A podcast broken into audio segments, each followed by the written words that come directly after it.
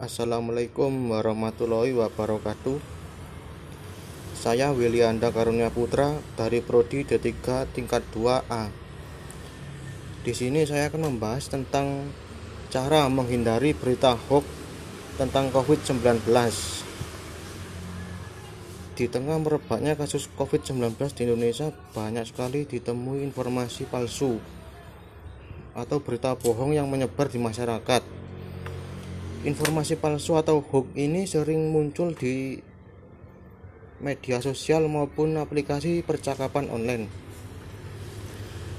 Kondisi menjadi lebih parah ketika banyak masyarakat turut membagikan informasi hoax tersebut di berbagai media yang digunakan. Terlebih lagi jika tidak melakukan pengecekan ulang atas sumber informasi tersebut sebelum membagikan. Tidak heran jika masifnya penyebaran hoax ini dapat menyebabkan kecemasan dan ketakutan di masyarakat. Apabila masyarakat tidak cermat dalam menerima berbagai informasi, maka dengan mudah dapat ditermakan informasi palsu tersebut.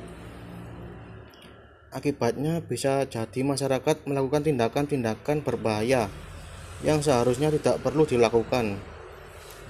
Inilah yang menjadi alasan mengapa penyebaran hoax harus dihentikan sebelum menimbulkan kecemasan dan kekacauan. Adapun langkah-langkah atau cara menghindari berita hoax tersebut yang pertama yaitu mewaspadai judul berita provokatif. Pasalnya, informasi atau berita hoax sering kali menggunakan judul yang provokatif dan sensasional dengan begitu, pembaca akan langsung merasa tertarik ketika membaca judul, kemudian segera membuka dan membaca berita tersebut sampai habis. Yang kedua yaitu menghindari penyebaran berita hoax selama pandemi COVID-19 adalah dengan mencermati alamat situs berita.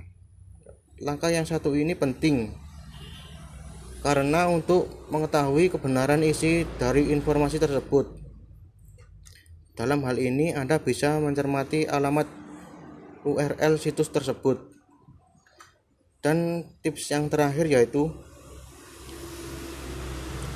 dengan melaporkan berita hoax itu sendiri, biasanya ketika terdapat berita hoax di media sosial, Anda bisa menggunakan fitur report untuk melaporkan apakah berita tersebut palsu spam, dan lain sebagainya.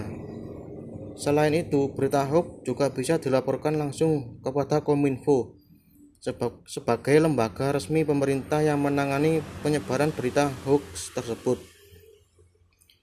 Demikian pembahasan dari saya. Wassalamualaikum warahmatullahi wabarakatuh.